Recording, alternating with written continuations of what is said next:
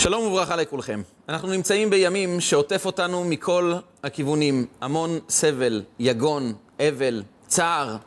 אמר לי מישהו היום בבוקר, תגיד, בתוך מציאות כזו שאיבדת אימון, אתה מרגיש כל כך הרבה כאב וסבל מסביבך, מאיפה אתה מקבל תקווה? מאיפה אפשר לקבל שלווה?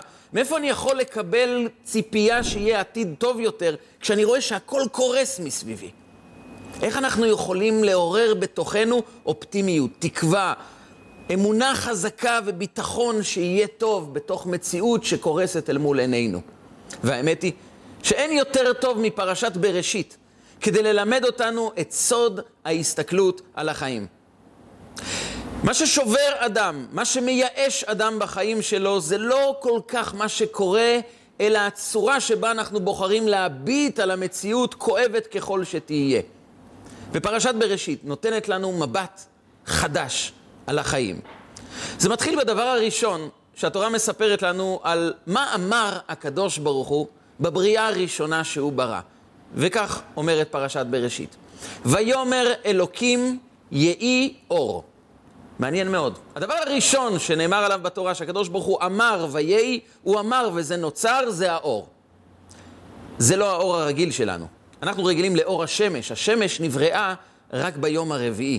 ביום הראשון הקדוש ברוך הוא ברא אור מסוג שונה. זה מה שנקרא האור הגנוז. למה הוא נקרא האור הגנוז? כיוון שהקדוש ברוך הוא ברא את האור הזה, שהוא היה אור של התגלות של אמת אלוקית, של טוב נצחי ואמיתי. אור כזה שאפשר לראות דרכו את כל עומק המציאות, את כל התכלית, את האמת האלוקית, את הטוב המושלם. והקדוש ברוך הוא אמר, אור כזה אני רוצה שיהיה עיר בעולם. ואחרי 36 שעות הקדוש ברוך הוא אמר, אבל עוד מעט ייברא האדם. וכשייברא האדם, ייבראו גם אנשים רשעים, ואני לא רוצה שהרשעים ייהנו מהאור הזה. לכן הוא גנז את האור, ומאז הוא נקרא האור הגנוז. וכאן נשאלת שאלה פשוטה.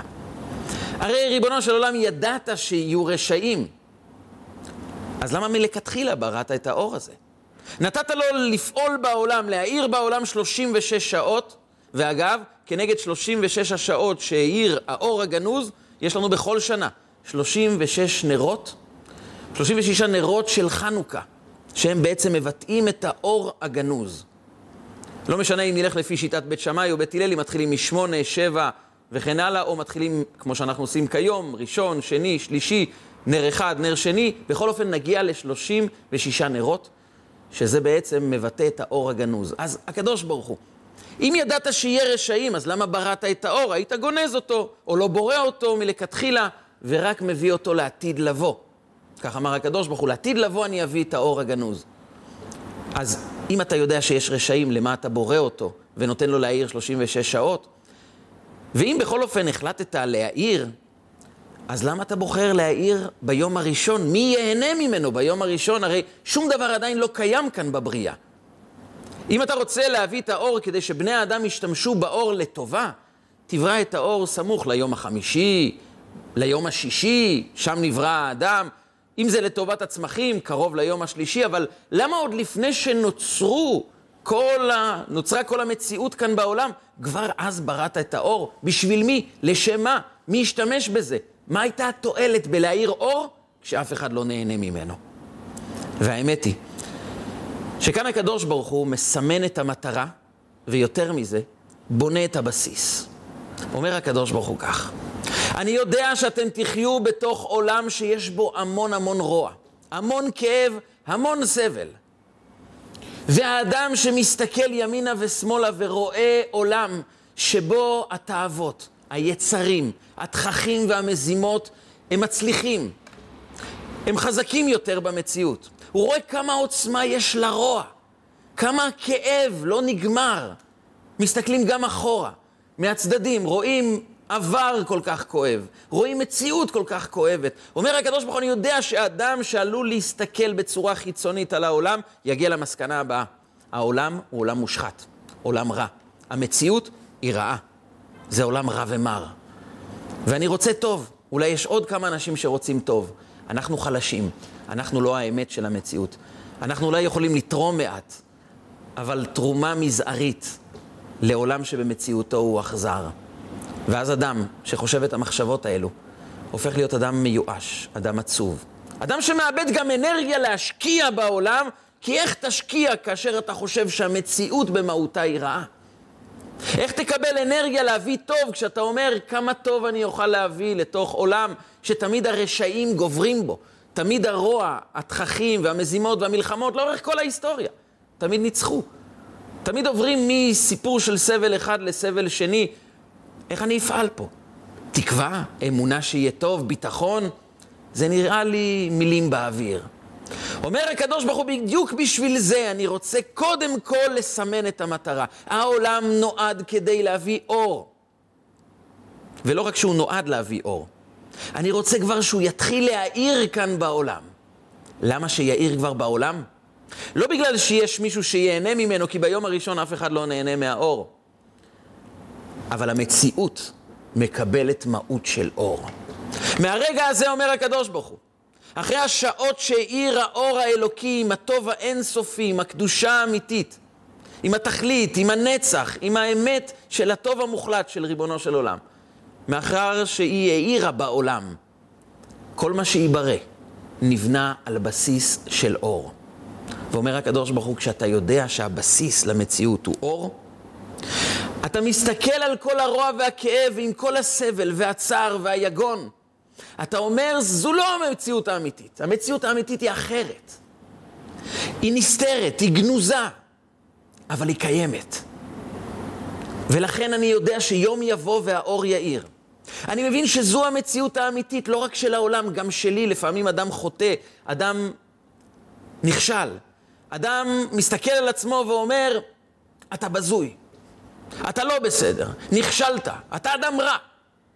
אבל הקדוש ברוך הוא אומר, דע לך, אתה נבראת על בסיס של אור. לא סתם אור שמש. לא סתם אור חיצוני, אור של אמת אלוקית אמיתית, אור של טוב אמיתי, זה המהות האמיתית שלך. גם שנכשלת ונפלת והתרסקת, ואנשים אומרים לך שאתה לא בסדר, ויותר ממה שאנשים אומרים, לפעמים אתה אומר לעצמך, אני לא בסדר. זה חיצוני. כי המהות שלך נבראה על בסיס של אור. המציאות כולה נבנתה על בסיס של אור. ואדם חייב לאמץ לעצמו את העדשה הזו. אני מביט על העולם ורואה את הכאב, מישיר מבט, מבין שאנחנו חווים כאב אינסופי, אבל זו לא האמת. זה חיצוניות, זה חושך, זה ערפל. ערפל מכביד על הרעות, אבל גם אם הוא מכסה על המציאות, אני יודע שיש מציאות אחרת. אני יודע שגם אם אני לא מצליח לראות אותה, אבל היא קיימת. מהותו של הערפל זה לזרות חול בעיניים, כדי שאני לא אראה את המציאות. אבל הקדוש ברוך הוא אומר, תקראו את ספר בראשית, פרשת בראשית. ויאמר אלוקים יהי אור. זה הבסיס. בראתי את העולם עם מציאות של אור. ואם תזכור שיש בעומק המציאות של העולם אור, וזה היעד שאליו הולכים להגיע, אז אתה תפעל אחרת בעולם. אתה תסתכל אחרת על המציאות, עם כל הכאב. אתה תבין שאנחנו חווים מציאות כואבת מאוד שהיא חיצונית. אבל אז אני מקבל את השלב הבא.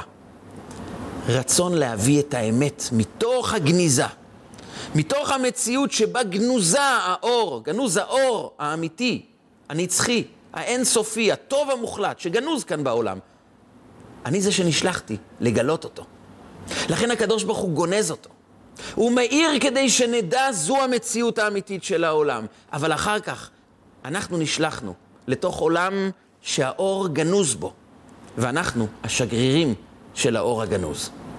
ניתן לכך דוגמה ממדרש מעניין.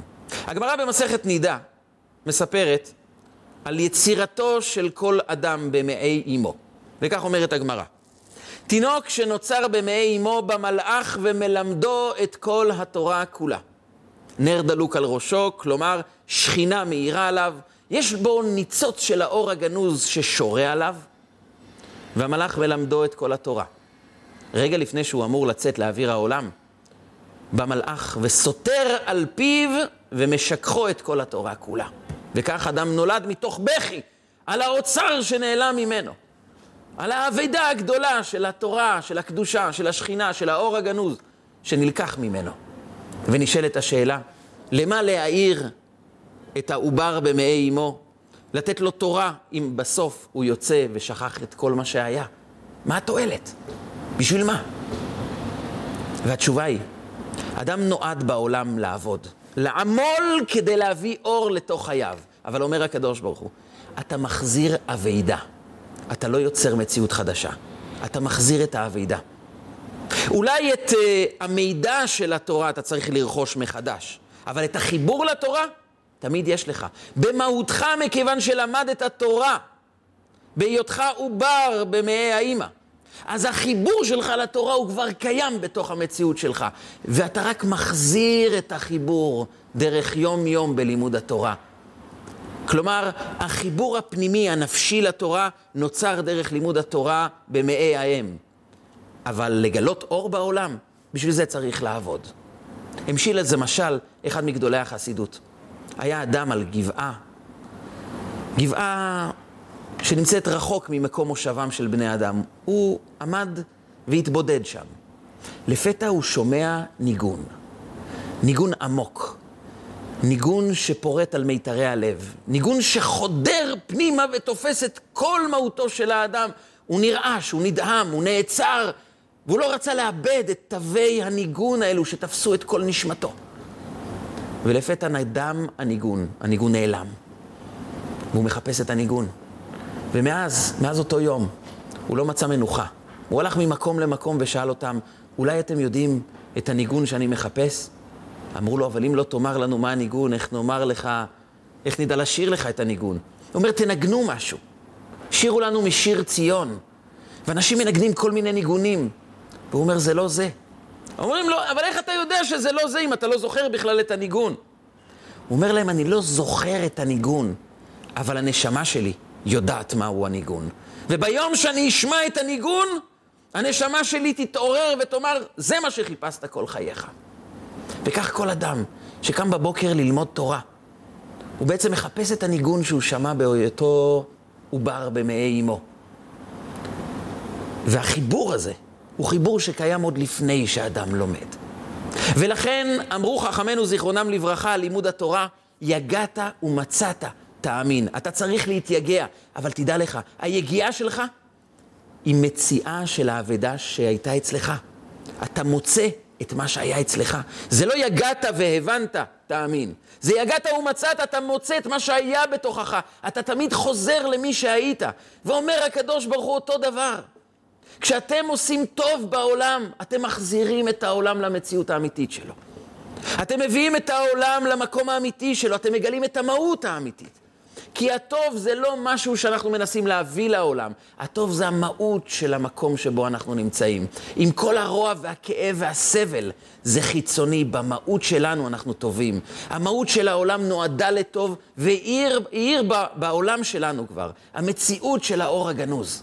רק תפקידנו לגלות אותו בחזרה. זה לא מצדיק את הסבל, חלילה, אבל זה בעצם אומר שהסבל הוא תמיד יהיה דבר חיצוני.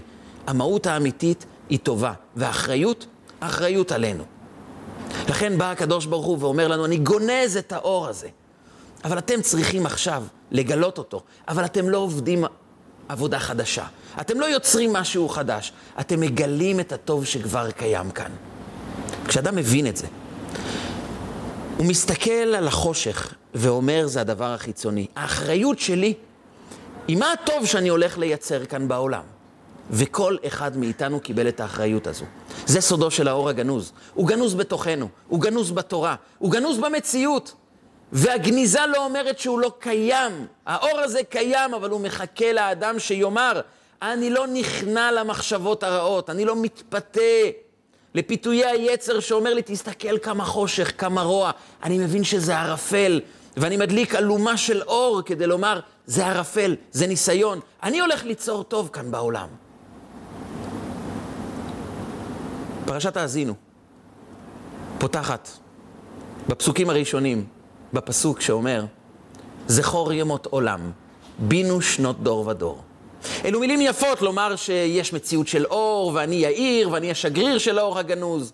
אומרת לנו התורה, תתבונן בדורות הקודמים. לא סתם אנחנו קוראים לאברהם, יצחק ויעקב, שרה, רבקה, רחל ולאה, אבותינו ואימותינו. כי מעשה אבות סימן לבנים. כאשר אנחנו נתבונן, בינו שנות דור ודור. זה לא רק תסתכלו, תתבוננו. איך הם שרדו את כל הסבל והכאב, הטרגדיות הנוראות שעברו עליהם. ואז בינו שנות דור ודור, אז תוכלו גם לקחת דוגמה וסמל, מסר והדרכה לחיים שלנו. וזה מה שעשה רבי עקיבא. בסיפור הבא שמספר המדרש, באירוע שהיה לו עם התלמידים שלו. כידוע, רבי עקיבא הוא הצינור של תורה של בעל פה. הוא העביר את תורה שבעל פה, הוא סיכם אותה, ביאר אותה, העביר אותה לדור הבא. אומרת הגמרא במסכת סנהדרין, כולהו אליבא דרבי עקיבא. כל חכמי המשנה, כולם ניזונים מרבי עקיבא. התלמידים שלו, הם היו הרבנים של הדור. והוא כראש הרבנים לימד את הרבנים של הדור שהיו קדושי עליון. רבי שמעון בר יוחאי, ביניהם רבי מאיר. ויום אחד מספר המדרש, התרחשה, התרחש אירוע מוזר לחלוטין. רבי עקיבא רצה להעביר שיעור, וכולם נרדמו. כל תלמידיו הקדושים והטהורים, חכמי ישראל, התנמנמו, כלומר, איבדו קשר עם השיעור. ורבי עקיבא רצה להעיר אותם. כבר זה דבר מוזר לחלוטין, הרי מדובר בצדיקים שמשתוקקים לשמוע כל אות שרבי עקיבא אומר. הם יודעים שגם משה רבנו, כשעלה להר, והקדוש ברוך הוא הראה לו דור דור ודורשיו, הראה לו את כל הרבנים שילמדו תורה, הוא שמע שיעור של רבי עקיבא, ומשה רבנו בעצמו לא הבין את דבריו של רבי עקיבא. הוא גילה עומק שגם משה רבנו לא חווה אותו. משה רבנו חשש, אולי רבי עקיבא אומר דברים שהם לא התורה, אבל מיד הוא שמע את רבי עקיבא אומר, כך קיבלנו הלכה למשה מסיני. כלומר, הוא גילה בתוך מה שמשה רבנו העביר, סודות שגם משה רבנו עדיין לא יכל לגלות אותם כאן בעולם. וכשרבי עקיבא מדבר, כל חכמי ישראל משתוקקים לשמוע כל אות. איך הם נרדמים? איך הם איבדו קשר עם השיעור וכולם נרדמו? ואז רבי עקיבא רוצה להעיר אותם. והוא אומר להם את הדבר הבא: ומפני מה ראתה אסתר למלוך על 127 מדינות? איך אסתר המלכה הפכה להיות מלכה על 127 מדינות? שאלתם את, את עצמכם את השאלה הזו? כולם התעוררו. ושאלו אותו, רבי, אז מה התשובה? איך היא מלכה על 127 מדינות? הוא אומר להם, זה מאוד פשוט. היא בת ביתה, כלומר, היא צאצאית של שרה אימנו, ואתם יודעים כמה שנים חייתה שרה אימנו? 127 שנים. והיו חיי שרה 100 שנה ו-20 שנה ו-7 שנים בימי חיי שרה. כולם התעוררו והתחילו ללמוד בהתלהבות מאוד גדולה. כל אדם שקורא את הסיפור מנסה להבין מה התרחש כאן. קודם כל, איך הם נרדמים בכלל. ומה העיר אותם בזה שהוא שאל אותם איך אסתר מלכה על 127 מדינות? זה מה שמאיר בן אדם, והתשובה מוזרה עוד יותר. אם סרח הייתה 127 שנים, מה זה קשור ל-127 מדינות של השלטון הפרסי תחת מלכותו של אחשורוש באותה שעה? איך זה מתקשר? מה הקשר בין מלוכתה של אסתר כאשתו של אחשורוש לבין שנותיה של שרה? ויש כאן עומק בסיפור הזה. רבי עקיבא מפנה את תשומת הלב של תלמידיו לשאלה הבאה. תסתכלו על חייה של אסתר. סבל אחד מתמשך. אומרת הגמרא במסכת מגילה, כי עיברתה מת אביה. לפני הלידה כבר אבא שלה נפטר, בלידתה האימא שלה נפטרה. היא מעולם לא ידעה מה זה אבא ואימא, אין לה זיכרון מאף אחד מהם. היא גדלה לתוך מציאות של יתמות וכאב מאוד גדול, אבל היא נלחמת ומתחתנת עם מרדכי היהודי ומשתוקקת לבנות בית נאמן בישראל. היא לא מתלוננת על העבר, אבל היא מבקשת על העתיד. בית יהודי, אמיתי, עם ילדים שהולכים לתלמוד תורה, ויש שבת, ויש חגים, ויש אווירה יהודית, זה מה שהיא מבקשת.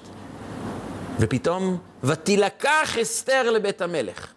היא מוצאת את עצמה כיהודייה חטופה בארמונו של אחשורוש, המקום הטמא והמסואב ביותר שקיים עלי אדמות. מקום מושחת, מקום של תאוות, מקום של יצרים, מקום טמא, מקום של עבודה זרה. והיא כאישה קדושה וטהורה סובלת רגע-רגע בארמונו של אחשורוש. וגם אם מישהו בגמרא אמר, אבל מה, היא לא נהנתה כמלכה שיש לה כל כך הרבה עוצמה? עונה הגמרא תשובה אחת. טובתן של רשעים רעה היא אצל צדיקים. צדיקים לא יכולים ליהנות מטוב שמבוסס על טומאה, על יצרים, על דברים מושחתים. היא סבלה יום-יום. גם לאכול היא לא יכלה שם, כי זה לא היה כשר והייתה אוכלת רק זרעונים. והיא שואלת את עצמה, למה החיים האלה? למה הכאב הזה? אומר להם רבי עקיבא, תסתכלו על החיים שלה. מרדכי ניגש אליה יום-יום כשהיא נמצאת בארמונו של אחשורוש. ובכל יום ויום מרדכי מתהלך בחצר בית הנשים לדעת את שלום אסתר ומה יעשה בה. הוא בודק שתי דברים. הדבר הראשון, מרדכי שואל אותה, מה שלומך? איך את מרגישה? ודבר שני, ומה יעשה בה? אומר לה מרדכי, תזכרי דבר אחד, העולם נברא על בסיס של אור. היעד הוא אור, וגם בזמני חושך. את השגרירה של האור. לא סתם הגעת לפה. המציאות הכואבת הזו אמורה להביא אותך, להביא ישועה לעולם, להביא אור חדש לעולם, לגלות משהו חדש בעם ישראל ולהביא קדושה ייחודית שלא הייתה קיימת עד היום. אבל עכשיו היא תתחיל, דרכך, כי את שגרירה של האור הגנוז. כי אדם לא סתם נמצא במקומות כואבים, רק בגלל שיש לו שליחות. הסיבה היחידה שאדם עובר כאב, זה רק כדי לגלות מתוך העוצמה הפנימית יותר, כי הקדוש ברוך הוא אומר, יש בתוכך אור גנוז. ועד שאין כאב, אדם לא עוצר ומתבונן פנימה ומוציא מתוכו את האור הגנוז. וכל כאב הוא בעצם שעון מעורר שאמור לומר לנו, תחפור פנימה, תוציא את האור הגנוז, העולם זקוק לאור שלך. וכך במשך שנים מרדכי הולך יום-יום ומחדיר בתוכה את ההבנה הזו. לא סתם אדם סובל, לא סתם כאב עובר על אדם. לדעת את שלום אסתר ומה יעשה בה. הוא חיכה כל רגע לזמן הזה שפתאום הוא יבין את כל חלקי הפאזל של הסיפור, איך עכשיו אסתר מושיעה את עם ישראל. ואחרי כמה שנים זה מגיע. המן מוציא גזירה להשמיד, להרוג ולאבד את כל היהודים. בכל דור ודור יש טיפוס אחד שאומר, אני אשמיד את העם היהודי. וזה סבל מאוד גדול, במיוחד על רקע העובדה שגזירתו של המן היא מתפשטת בכל העולם כולו, 127 מדינות. ומרדכי ניגש לאסתר ואומר לה את הדברים הבאים: לכי אל המלך ותבקשי ממנו, בתור המלכה, לבטל את הגזירה. אסתר מסתכלת עליו ואומרת לו, אתה כנראה לא מודע לחוק שכל אחד יודע בבית המלך. כל מי שייכנס למלך אשר לא כדת, כל מי שמגיע למלך בלי אישור, אחת דתו להמית. זו פגיעה במלך, זה בעצם לומר לו, לא אתה מזמין אותי, אני נכנס מתי שאני רוצה, אתה לא המלך, אתה לא שולט כאן. אסור להיכנס למלך בלי אישור. ואני לא נקראתי לבוא אל המלך, זה 30 יום. כבר חודש שלם, שהוא בכלל לא רוצה לראות אותי. כלומר, כל הנתונים מראים שאם אני נכנסת, אני הולכת למות. ואתה יודע, מי שמכעיס את אחשורוש, כשהוא מקבל את הכעס שלו, הוא תולה את האדם שהכעיס אותו. האישה האחרונה שהייתה לו נרצחה, נתלתה. אתה רוצה שזה מה שיקרה גם לי? היא מסבירה לו בהיגיון את המורכבות, את הכאב, את הסבל, את הרוע שקיים, את העובדה שזה בלתי אפשרי. ומרדכי לא עונה לה, יהיה בסדר. מרדכי לא אומר לה, אל תדאגי, אני אברך אותך. מרדכי לא מנסה לומר לה, זה לא כל כך נורא כמו שאת חושבת. הוא מפנה אותה לנקודה הבאה. ומי יודע אם לעת כזאת הגעת למלכות. יש זמנים שאדם לא אמור לשאול את עצמו כמה כואב, אלא למה אני נמצא פה. ואם את מבינה שיש לך שליחות, את כבר לא תראי כאב, את לא תראי סבל, את לא תראי סכנה, את תראי מטרה, את תראי שליחות. וכשאדם מחובר למלכות שבו, העולם משתנה. כשאדם מחובר לתפקיד האמיתי שלו ואומר, אני לא מסתכל כמה רוע יש סביבי, אני מסתכל כמה אור גנוז אני יכול להוציא החוצה, העולם יתחיל להשתנות. וכאן מתרחש הנס. אסתר נפרדת ממרדכי במילים, וכאשר עבדתי, עבדתי. אני כנראה הולכת להיאבד. שלושה ימי צום ותפילה של כל עם ישראל, ויהי ביום השלישי. ותלבש אסתר מלכות. אומרים חכמינו, מגילת אסתר לא באה לספר לנו שהיא לובשת בגדי מלכות, היא לובשת משהו אחר, מלכות. היא פתאום נזכרת בסבתא שלה, שרה אימנו. ששרה אימנו נאמר עליה שהיא חייתה מאה שנה ועשרים שנה ושבע שנים, ושואלים רבותינו, למה לא יותר פשוט לומר שהיא חייתה מאה עשרים ושבע שנים? למה מאה שנה ועשרים שנה ושבע שנים? והתשובה היא, להודיעך שכל שנותיה לטובה. גם ימי הילדות, גם ימי הנערות וגם ימי הזקנה, כולם היו שווים לטובה. והדבר מוזר לחלוטין, חייה של שרה לטובה. היא הייתה עובדת, עובדת עבודה זרה, כמו כל משפחתה, כמו כל התרבות באותה תקופה, עד שהם הכירו את הקדוש ברוך הוא. היא נדרשה לעזוב את בית אביה יחד עם אה, אברהם אבינו, יצאה לנדודים, הגיעה לארץ רעב, ירדה למצרים ונחטפה לארמונו של פרעה.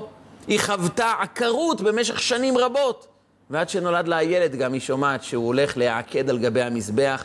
אלו חיים שכל שנותיה שווין לטובה? איפה? איך אפשר לומר כזה דבר? אומרים חכמינו, שרה כשמה כן היא. היא השרה מושלת ושולטת על חייה. למשול על החיים זה לא אומר שהכל תמיד מקרין רק טוב, זר של שושנים, והכל תמיד מתגשם לטובה. יש גם זמנים של קושי. אבל מה שיקבע, אם שנותינו לטובה, או חלילה להפך, זה איך אני בוחר להסתכל. ושרה תמיד אמרה, הרוע לא שולט עליי. הוא לא יהפוך אותי להיות אדם שמתמכר לרוע, שהופך להיות חלק מהלא טוב שסביבי, או כאדם שנכנע ואומר, אין מה לעשות. אני תמיד מבינה שאני השרה, אני שולטת. לא משנה כמה כואבת תהיה המציאות, אני יכולה לשלוט עליה, אני יכולה להעיר אותה, אני יכולה להשפיע עליה. אני תמיד בעמדת שליטה והשפעה, ולא בעמדה של קבלה וספיגה של הרוע לתוך הנפש שלי. היא הייתה תמיד שרה, תמיד מושלת. ולכן גם כשהיא הייתה בתוך ארמונו של פרעה, במלאך והיא ציוותה את אותו מלאך, תכה את האנשים האלו, תביא את המחלה הזאת שם, תכה פה ותכה שם, היא תמיד שלטה עד שפרעה נאלץ לשחרר אותה ולומר לאברהם, קחו כסף וקחו זהב, והוא שחרר אותם בהמון המון אוצרות. וכל הסיטואציה הרעה, כל הכאב הגדול, הפך להיות הצלחה מאוד גדולה. כי שרעה ידע, יש לי כאן שליחות, להביא אור גם למקום חשוך, ולתת בזה כוח לכל בנות ישראל לאורך כל הדורות, להיות שולטות, להיות מלכות, להיות אלו שמשפיעות על המציאות ולא מושפעות ממנה. וזה מה שאסתר פתאום הבינה. אומר להם רבי עקיבא, פתאום אסתר הבינה, אני מלכה על 127 מדינות, כי אני מקבלת את הכוח שלי מהסבתא, שרה, שכל שנותיה היו לטובה, לא בגלל שהיא לא חוותה קשיים, אלא כי מעולם הקושי לא הפיל את עצמו עליה ולא אמר לה, תפלי, תתייאשי, תאבדי תקווה. להפך, בכל קושי היא אמרה, יש לי אור גנוז לגלות. ומיד היא נכנסת ותלבש אסתר מלכות. אחרי שלושה ימי צום היא נכנסת לא רק עם בגדי מלכות, אלא בעיקר עם מלכות פנימית. היא פתאום הרגישה, אני במהותי מלכה. אני במהותי כמו מלכה, שכמו מלך ומלכה יש להם שליחות, יש להם אחריות, יש להם עוצמה, יש להם השפעה, יש להם יכולת לשנות. עם הרגעים האלו, עם התחושות האלה, עם התובנה הזו, היא נכנסה כמלכה. וכאן מתרחש הכלל הבא. כשאתה רואה את עצמך כמלך, העולם יורד. כשאתה מרגיש ביטחון, תקווה, אמונה, שליחות, עוצמה, אז גם אחשורוש, שפתאום רואה איך המלכה, שהוא לא רוצה לראות אותה בחודש האחרון, מפרה ברגל גסה את החוקים שלו.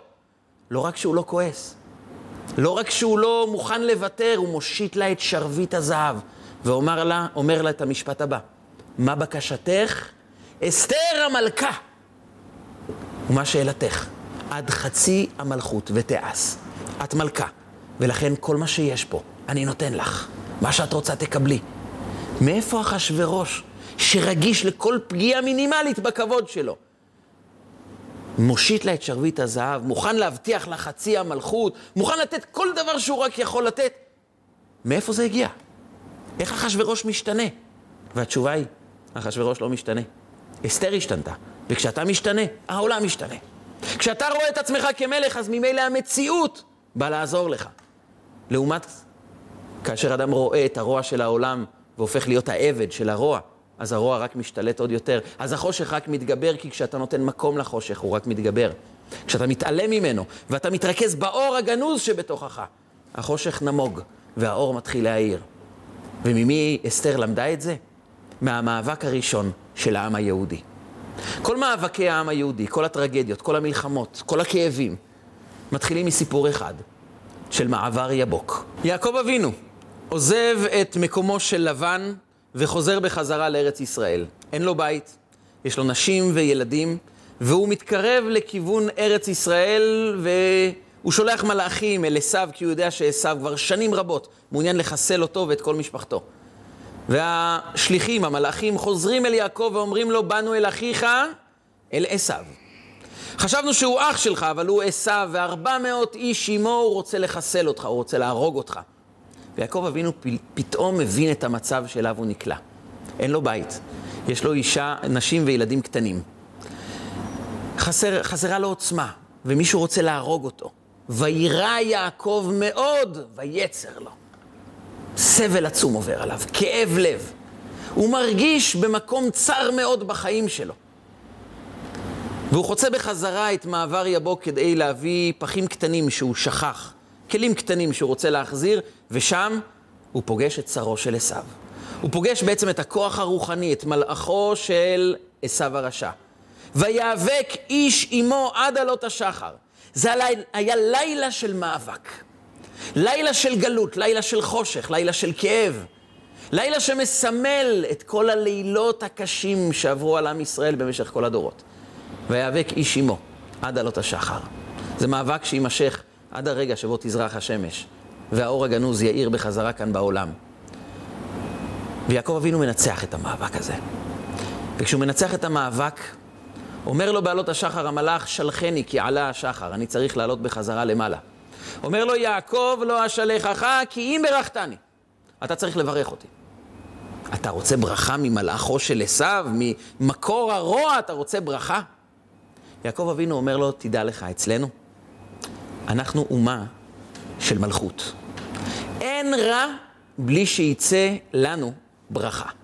בכל סיטואציה כואבת תצא ברכה. אני לא צריך את הברכות שלך, אני מקבל ברכות מאבא שלי יצחק, מהקדוש ברוך הוא בעצמו, אבל אני מבין שאם חוויתי רגע של כאב, של מאבק, תצא מכאן ברכה. ואני רוצה ממך ברכה. אומר לו שרו של עשיו, מה השם שלך? יעקב. לא יקרא שמך עוד יעקב, כי עם ישראל, כי שרית עם אלוקים ועם אנשים ותאכל. אתה בטח מצפה ממני לברכה הבאה, שאני בתור שרו של עשיו, יגיד לעשיו לעזוב את המקום ולשחרר אותך. אני רוצה לתת לך ברכה אמיתית. ברכה אמיתית זה לא לפתור את הבעיה שנמצאת מולך כעת. ברכה אמיתית זה לבקש להיות אחרת, להיות שונה, להיות בתחושה של מלך, בתחושה של השפעה, בתחושה שיש לי מה להעניק לעולם ויש לי אפשרות להשפיע על המציאות. כעת יעקב, אתה חי עם השם יעקב, שהוא מרמז על עקב. ועקב זה המקום הכי נמוך, אתה מרגיש נמוך ולכן אתה מפחד. אתה מרגיש קטן ולכן וירא יעקב מאוד ויצר לו. ולכן עשיו, כשהוא רואה אותך קטן, הוא רוצה לאכול אותך, וארבע מאות איש עמו. תשמע לי, הקוד האמיתי לנצח את המציאות המרה, זה להתחיל להיות ישראל. ישראל, אומרת החסידות, זה אותיות שר כל. השר, כמו אותה שרה אימנו. השר ששולט בתוכנו זה האותיות כל. כל השם ויער לנו. כל זה שם החסד, זה אור אלוקי. אתה מבין שבתוכך שולטת אלוקות. יש אור אלוקי שמאיר בתוכך. כל השם ויער לנו, האור הגנוז. שנמצא בתוכך, ואתה צריך להתחבר אליו ולומר, זה מי שאני, מלך, שר ושולט עם הקדושה שבי על המציאות. כשתזכור את זה, אתה תפגוש מישהו אחר. בזה הוא נפרד ממנו, ויעקב חוצה את מעבר יבוק. והוא רואה את עשיו עם 400 אנשים מתקרבים אליו, וזה רגע של הכרעה, רגע של דין, רגע של סכנה עצומה. ואפשר רק לתאר את התחושות של הילדים הקטנים, של הנשים, של יעקב, מול האויב האכזרי שעומד לחסל אותם. ואז יעקב ניצב, אבל לא לבד, הוא נמצא כישראל. וכשעשו רואה את יעקב, מתרחש האירוע הבא, המפתיע כל כך שמתואר בפסוק, שעשו רואה את יעקב, וירוץ לקראתו, ויחבקהו, וינשקהו, ויפול על צוואריו, ויבק. הוא נופל על צווארי יעקב ובוכה, ונשאלת השאלה, איך האכזר צמא האדם נופל בפניו של יעקב ובוכה, וינשקהו, ובאופן מפתיע, חריג, התורה, ספר התורה, שאין בו שום ניקוד, מעל המילים וינשקהו. חמש נקודות. למה? דרש רבי שמעון בר יוחאי הלכה, בידוע שעשיו שונא ליעקב. רבי שמעון בר יוחאי זה תנא שהוא האחרון שמאמין לגויים. הוא מעולם לא האמין לאף גוי שהוא אוהב יהודי. גם כשחכמי ישראל אחרים התווכחו איתו ואמרו לו, הרומאים טובים, צריך להכיר להם תודה, הוא אומר להם, עשיו שונא ליעקב. אבל כאן התרחש משהו חדש. עשיו באמת ריחם על יעקב. הוא נשקו בכל ליבו. הוא באמת הושיט את שרביט הזהב ואמר עד חצי המלכות, מה אתה רוצה אני אעשה בשבילך?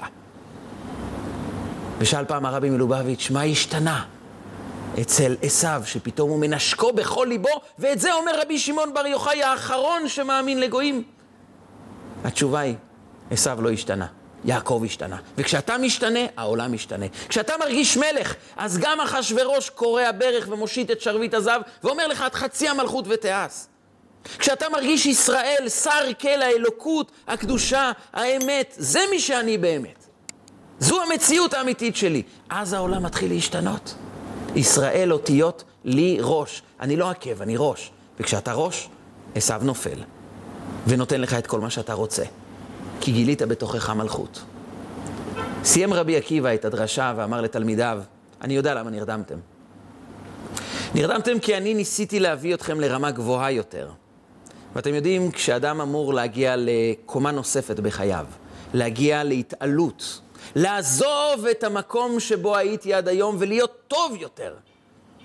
אבל כל הגעה לחוף חדש דורש ממני לעזוב את החוף הקודם, ולעולם אני לא אוכל להגיע לחוף הבא, אם אני לא מוכן לעזוב את חוף המבטחים הראשון שלי. אני חייב לעזוב אותו, להיות בלב ים ולחוות שערים, שערות וגלים סוערים מסביבי, ובתוך כל הסערה והגלים אני אומר לעצמי, אני בתהליך של הגעה לחוף החדש, הטוב יותר, הגבוה יותר. אומר להם רבי עקיבא, אני רציתי להצמיח אתכם, להביא אתכם לחוף חדש, למקום גבוה יותר בתורה. אבל זה קשה. אני מבין שזה קשה. נרדמתם כי אמרתם לי, רבי, הלכת רחוק. זה לא בשבילנו. הלכת גבוה מדי. אנחנו לא בנויים לזה. וממילא התנמנמו כל תלמידיו, הם אמרו לו, רבי, אתה שמה, אנחנו רחוק. אנחנו לא מסוגלים לעזוב את המקום שבו אנחנו נמצאים. אומר להם רבי עקיבא, לא הבטתם על אסתר המלכה? היא חוותה כל כך הרבה סבל של יתמות, של חטיפה, של חיים בתוך מציאות כל כך כואבת יומיומית. אבל ברגע שהיא נזכרה שהיא מלכה, היא לא שאלה את עצמה כמה קשה, אלא היא אמרה, אם אני פה, זה סימן שאני יכולה. יש בי מלכות, ותלבש אסתר מלכות.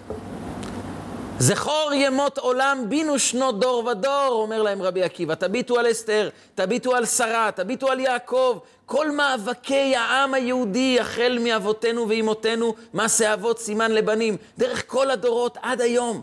כל כאב הוא בא לומר לנו, תגלו מלכות, תגלו אור בתוככם, תגלו שהמציאות היא טובה, אל תתפתו לחיצוניות, תתמסרו לשליחות, תרגישו מלכים, תעמדו מול העולם כמלכים שאומרים, יש בנו את האור הגנוז ואנחנו הולכים לגלות אותו. ועם זה העולם יכול להשתנות, עם זה אנחנו יכולים להביא אור חדש לעולם. ולכן פרשת האזינו היא פרשה מאוד מעניינת. היא פרשה שבעצם אומרת לנו, זכור ימות עולם בינו שנות דור ודור. היא מספרת לנו על ימצאהו בארץ מדבר. הקדוש ברוך הוא לקח אותנו ממדבר, מצרים. יצרנו כאישון עינו, אנחנו בבת עינו של ריבונו של עולם. אבל המשך שירת האזינו מדברת על כאב מאוד מאוד גדול.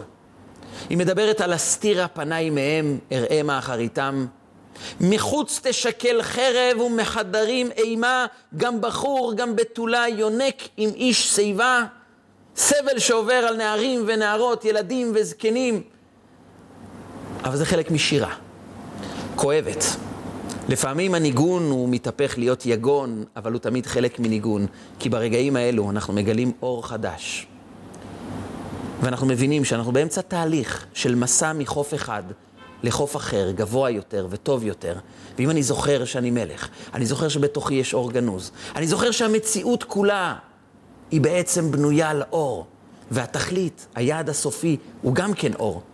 אז אני מבין שהחושך הוא חיצוני. אני פחות מסתכל עליו כי פתאום אני מבין שהוא לא אמת, שהוא לא הבשורה האמיתית, הוא לא המציאות האמיתית. המציאות האמיתית היא האור שקיים בי, ואז אני פחות מתעסק עם חדשות רעות, עם דיבורים לא מועילים, עם סבל, עם כעס, עם, עם uh, תחושות רעות. מקיפות אותנו. אני פחות מתייחס אל זה, כי זה לא הבשורה האמיתית, זה לא הסיפור האמיתי. הסיפור האמיתי, תשיר שירה חדשה, תגלה אור גנוז שבתוכך. ואז, כל פרשת האזינו נקראת, למרות הכאבים, שירת האזינו מהסיבה הבאה. היא מתחילה בטוב. היא עוברת המון קשיים, אבל זה חלק מהניגון שאנחנו מנגנים, כי אנחנו מגלים אור חדש. כי אנחנו מבינים שבתוך הסערה הזו התקדמנו עוד צעד לעבר האור הגנוז שהולך להתגלות. ולכן, מסיים את פרשת האזינו עם המילים, ארנינו גויים עמו, כי דם עבדיו יקום ונקם ישיב לצריו. יום יבוא, והקדוש ברוך הוא ינקום את דם עבדיו השפוך, השפוך. וכיפר אדמתו עמו. אז האדמה תקבל כפרה ונחמה מלאה. אבל זה מגיע דרך תהליך. והתהליך הוא להבין שגם המקומות הקשים הם לא אמיתיים, והאמת היא השליחות שלנו, האור שלנו. זה האמת המציאותית, זה המהות של מה שאנחנו חווים, ואנחנו רק צריכים לגלות את זה.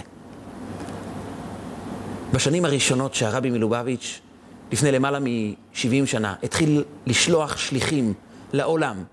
זה היה מציאות שבו יהודי הרגיש להיות יהודי זה לא כדאי. אחרי השואה, רק תברח מלהיות יהודי, רק תסתיר את היהדות שלך. מי שנשאר בחיים רק ביקש ליצור חיים חדשים ברחבי העולם ולשכוח ממה שהיה, למחוק את העולם הישן ולברוא עולם חדש.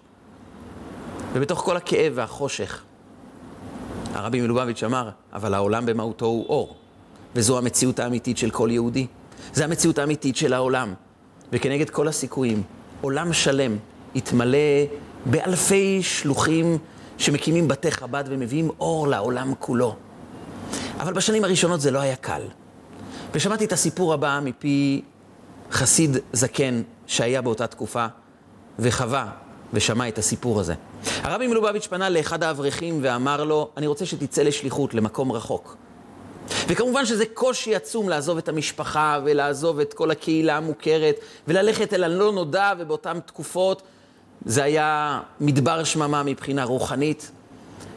והוא חשב על זה, ואחרי יומיים כתב לרבי, אני מאוד רוצה לצאת לשליחות, אבל יש לי בעיה. יש לי התמודדות רפואית לא פשוטה. התיק הרפואי שלי מנוהל כאן במרכז הרפואי בניו יורק. אני לא יכול לעזוב, הרופאים מכירים את דרכי הטיפול בי, כל הטיפולים שלי עוברים כאן, ולכן אני מבקש ממך, רבי, אם אתה יכול לפטור אותי מהשליחות הזו, כי יש לי התמודדות רפואית לא פשוטה. דבר שנשמע הגיוני על פניו. המעניין הוא תשובתו של הרבי. הרבי אמר לו, שמעתי הרבה דברים מוזרים בחיי. כזה דבר מוזר? לא שמעתי מעולם. אני יודע שיש לך התמודדות רפואית לא פשוטה, אני יודע. אבל במקום לומר לי, רבי, תתפלל עליי שאני אפטר מהבעיות הרפואיות כדי שאני אצא לשליחות, אמרת לי בדיוק את ההפך. רבי, תפתור אותי מהשליחות כי יש לי בעיות רפואיות. אתה במהותך לא בעיה רפואית. אתה בריא ושלם, רק תתמסר לשליחות שלך והבעיות ייפתרו. רק תרגיש שאתה שר כל, אתה ישראל, ואז גם עשיו יכרע ברך בפניך. תרגיש שאתה מלך, ואז גם אחשורוש יושיט את שרביט הזהב ויגיד, עד חצי המלכות ותיעש.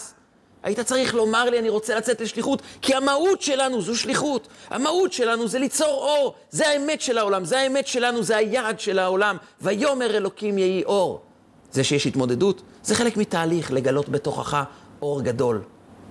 אז אל תגיד, יש לי בעיות רפואיות, תגיד, יש לי שליחות. ומי שצריך להיעלם, זה השקר. שזה הבעיות הרפואיות, זה ייעלם, והשליחות שלך תצליח. ולכן כל שירת האזינו בעצם אומרת לנו, בינו שנות דור ודור. הניצחון היהודי תמיד היה מבוסס על דבר ראשון ידיעה, שאנחנו בבת עינו של הקדוש ברוך הוא. וכך אומר הקדוש ברוך הוא בנביא, אני השם לא שניתי, ואתם בני יעקב לא כיליתם. אתם חלק ממני, ואני נצחי ואין סופי לעד ולעולמי עולמים. וכיוון שאתם חלק ממני, שאני השם לא שניתי, אני לא משתנה. אתם בני יעקב, לא כיליתם. אי אפשר לחסל אתכם, מסיבה פשוטה. כל אומות העולם מבוססים על עוצמה פיזית. וכשהם חזקים, הם מרגישים על גג העולם. וברגע שמישהו ניצח אותם, הם פשוט נעלמים. לא נשאר מהם שום דבר. וכך נעלמו המצרים והבבלים והפרסיים והרומאים והיוונים. אבל אתם נשארים תמיד, כי העוצמה שלכם היא העוצמה של יצרנו כאישון עינו. זו עוצמה שמבוססת על ה... ויאמר אלוקים יהי אור, אתם אור במהותכם. ולכן גם בזמנים של סערה, של משבר, של כאב, אתם אומרים לעצמכם, זה עוד אור שאנחנו הולכים לגלות. אנחנו נהפוך את היגון לניגון, את כל המציאות הרעה הזו לשירה. ואז פרשת האזינו היא בעצם תהליך שלם, שמתחיל מ... ויאמר אלוקים יהי אור בפרשת בראשית. ואז היא מספרת, שירת האזינו, את סיפורו של העם היהודי, שמתחיל בקרבה מאוד גדולה, עובר דרך סבל מאוד גדול, אבל הסבל רק עורר בתוכנו ניגון יותר עמוק. ואז אנחנו מגיעים אל הייעוד של ארנינו גויים עמו, כי דם עבדיו יקום, ונקם ישיב לצריו, וכיפר אדמתו עמו, בגאולה שלמה, במהרה בימינו, אמן ואמן.